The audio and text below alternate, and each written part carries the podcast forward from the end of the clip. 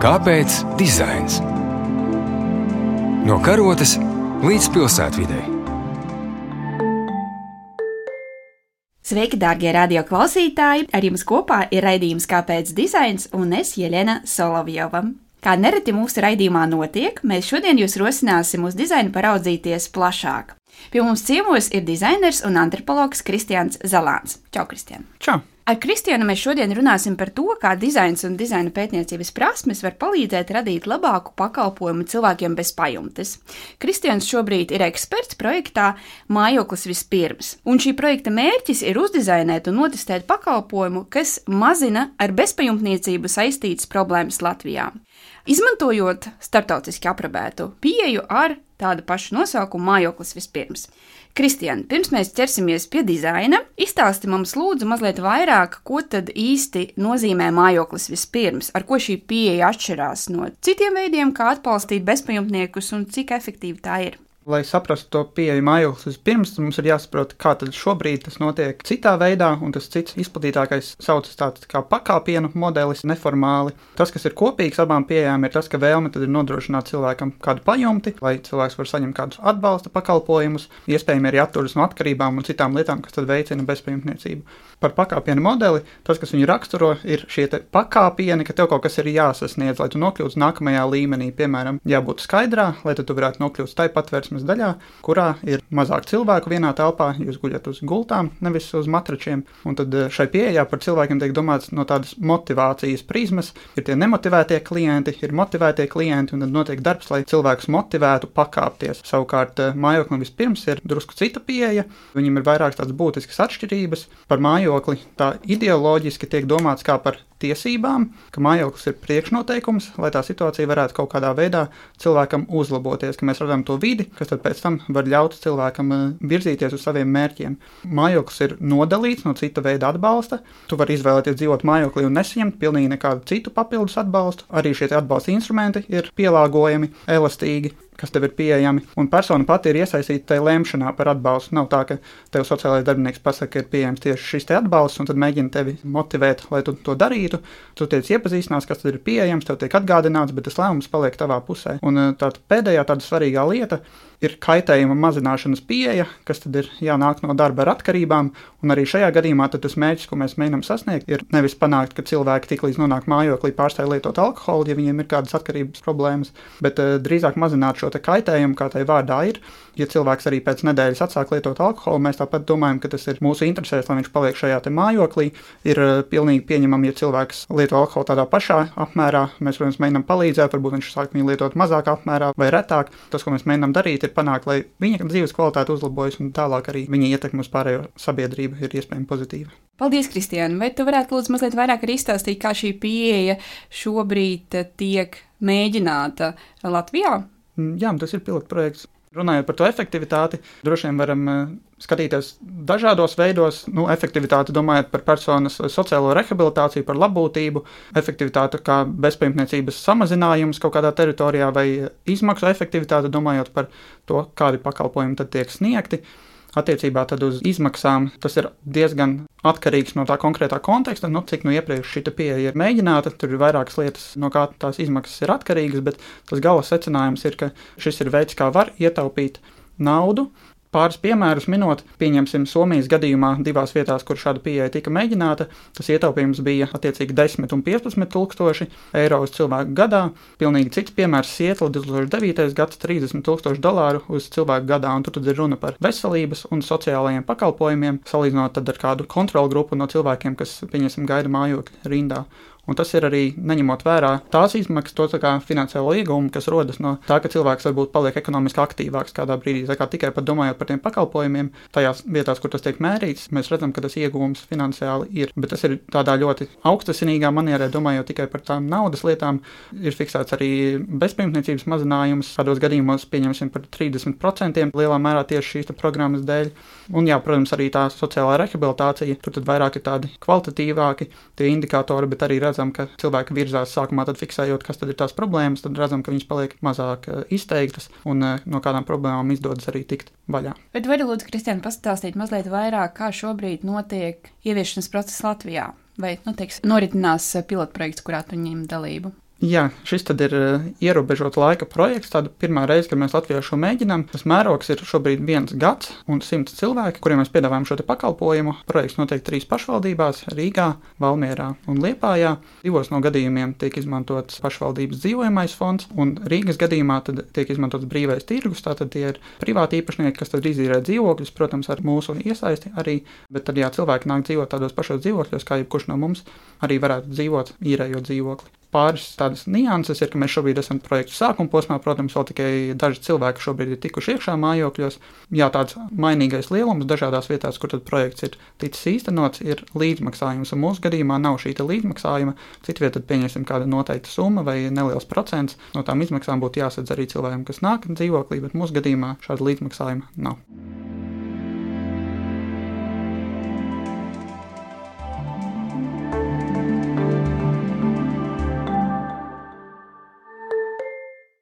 Es tev, Kristiāna, gribētu arī pajautāt jautājumu, kas noteikti nodarbina mūsu klausītāju prātu, jo šis ir raidījums par dizainu. Kāda loma šajā projektā ir dizainam un dizaineriem? Kas ir tas, ko dari tu un tavi kolēģi?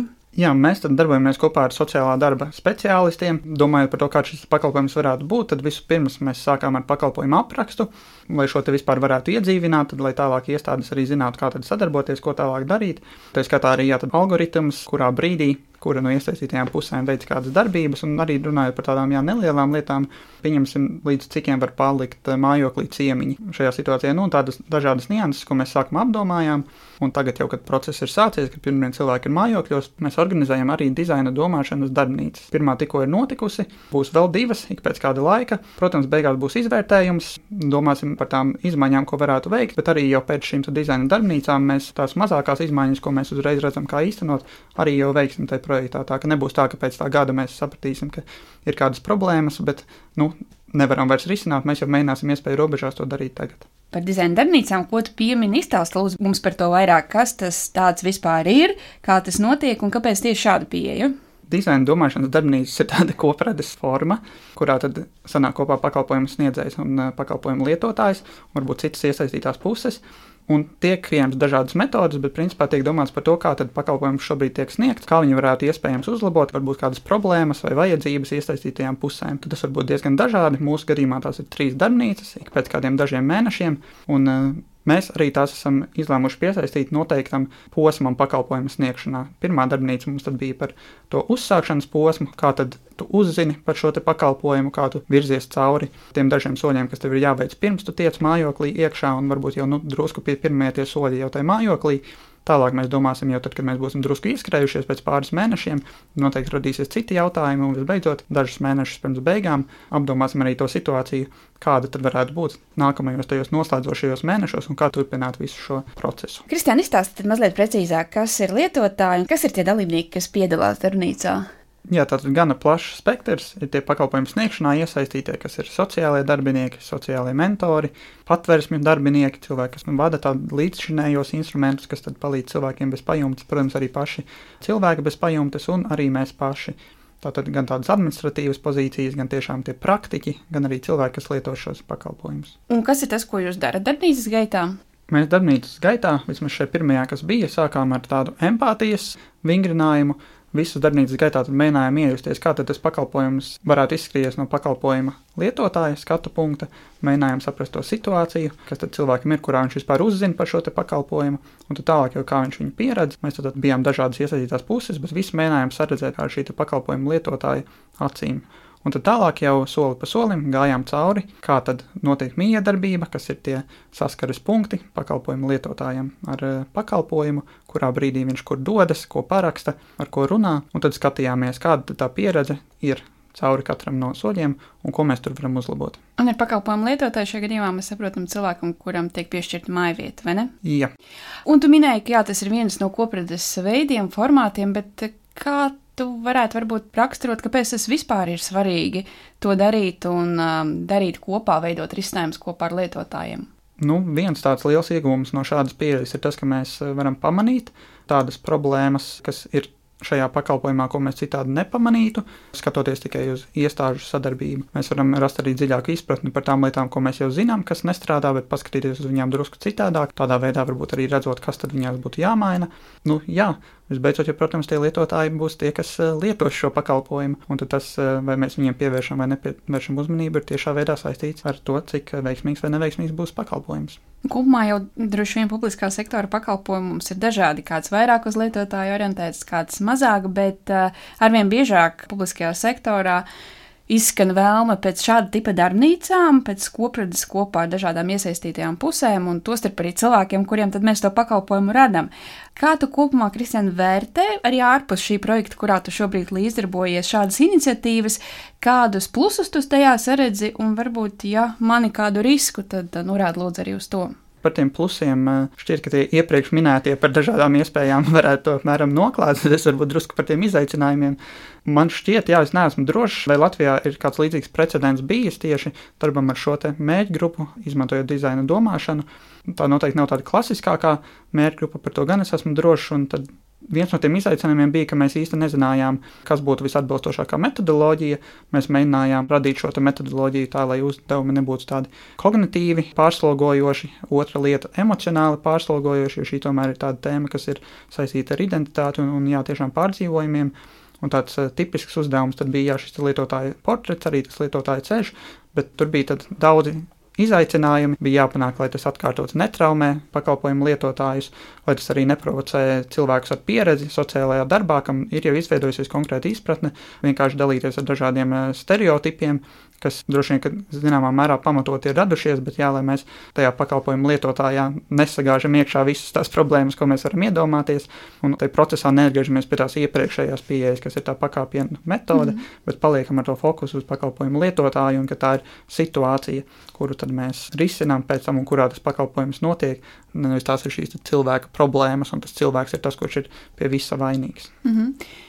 Un atgriezties atpakaļ pie procesa, kas notiek tad, kad darbnīca ir noslēgusies, vai jūs apkopojat uh, to, ko jūs esat kopā radījuši, un tādā tiešā veidā to ieviešat vai izmantojat, jeb apstrādājat. Kas notiek tālāk pēc darbnīcas? Jā, tikko tieši darbnīca ir cauri, priekšā ir to apkopot.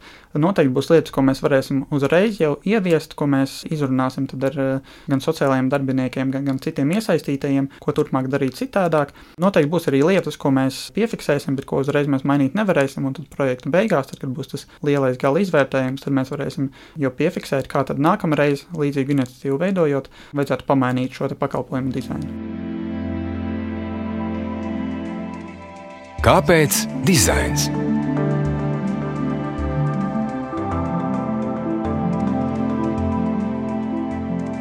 Varbūt ir vēl kādas pētniecības vai dizaina pētniecības metodas, kuras jūs izmantojat šajā projektā vai plānojat nākotnē pielietot? Jā, viena no lietām, kas eh, ir plānota, ir kvalitatīvas intervijas ar eh, dažādām iesaistītajām pusēm, gan ar darbiniekiem, gan ar klientiem. Un to mērķis ir gūt tādu dziļāku ieskatu tajās problēmās, ko mēs identificēsim lielā mērā šajās dizaina darbnīcās, kā virzīties uz, uz priekšu ar to, ko mēs esam eh, identificējuši, uzķēruši jau, lai labāk to saprastu. Tāpat arī uzsākot pakalpojumu, tiek veikta tāda kā cilvēka profilēšana, tiek apzināts, kādas ir šīs problēmas un viņu intensitāte, lai mēs pēc tam arī varam skatīties, kā tā situācija ir mainījusies. To gan vairāk mums palīdz veikt sociālai darbinieki un cilvēki, kas tajā tiešā veidā strādā ar pakalpojumu lietotājiem, cilvēkiem bez pajumtes, bet šī informācija ir pieejama. Un visbeidzot, mēs esam tāda diezgan cieša projekta komanda, regulāri tiekamies ar visiem iesaistītajiem, un nu, šo informāciju mēs arī izmantojam tiekam katru nedēļu, kad tiekamies, lai saprastu, kā tas viss virzās un uh, veiktu kādas korekcijas savā pusē. Kas tev, Kristiāna, pašam motivē izdarboties? Droši vien iepriekšējā pieredze, esmu pats uh, studiju laikos saistībā ar bakalaura darbu dzīvojis bezpajumtnieku patversmē. Šī tēma man ir tuva arī šādā veidā. Protams, arī šī dizaina komponente, ka tas ir kaut kas iespējams Latvijā nebijis. Jā, man šķiet, ka tam varētu būt diezgan liela ietekme uz to, kā Latvijā turpmāk veidosies bezpajumtniecību saistītā politika, neatkarīgi no projekta tiešās izdošanās vai daļējas izdošanās vai neizdošanās. Man šķiet, ka jā, šis būs tāds kā liels tāds atskaites punkts, tas, kā mēs domājam par bezpajumtniecību Latvijā līdz šim un pēc šī brīža.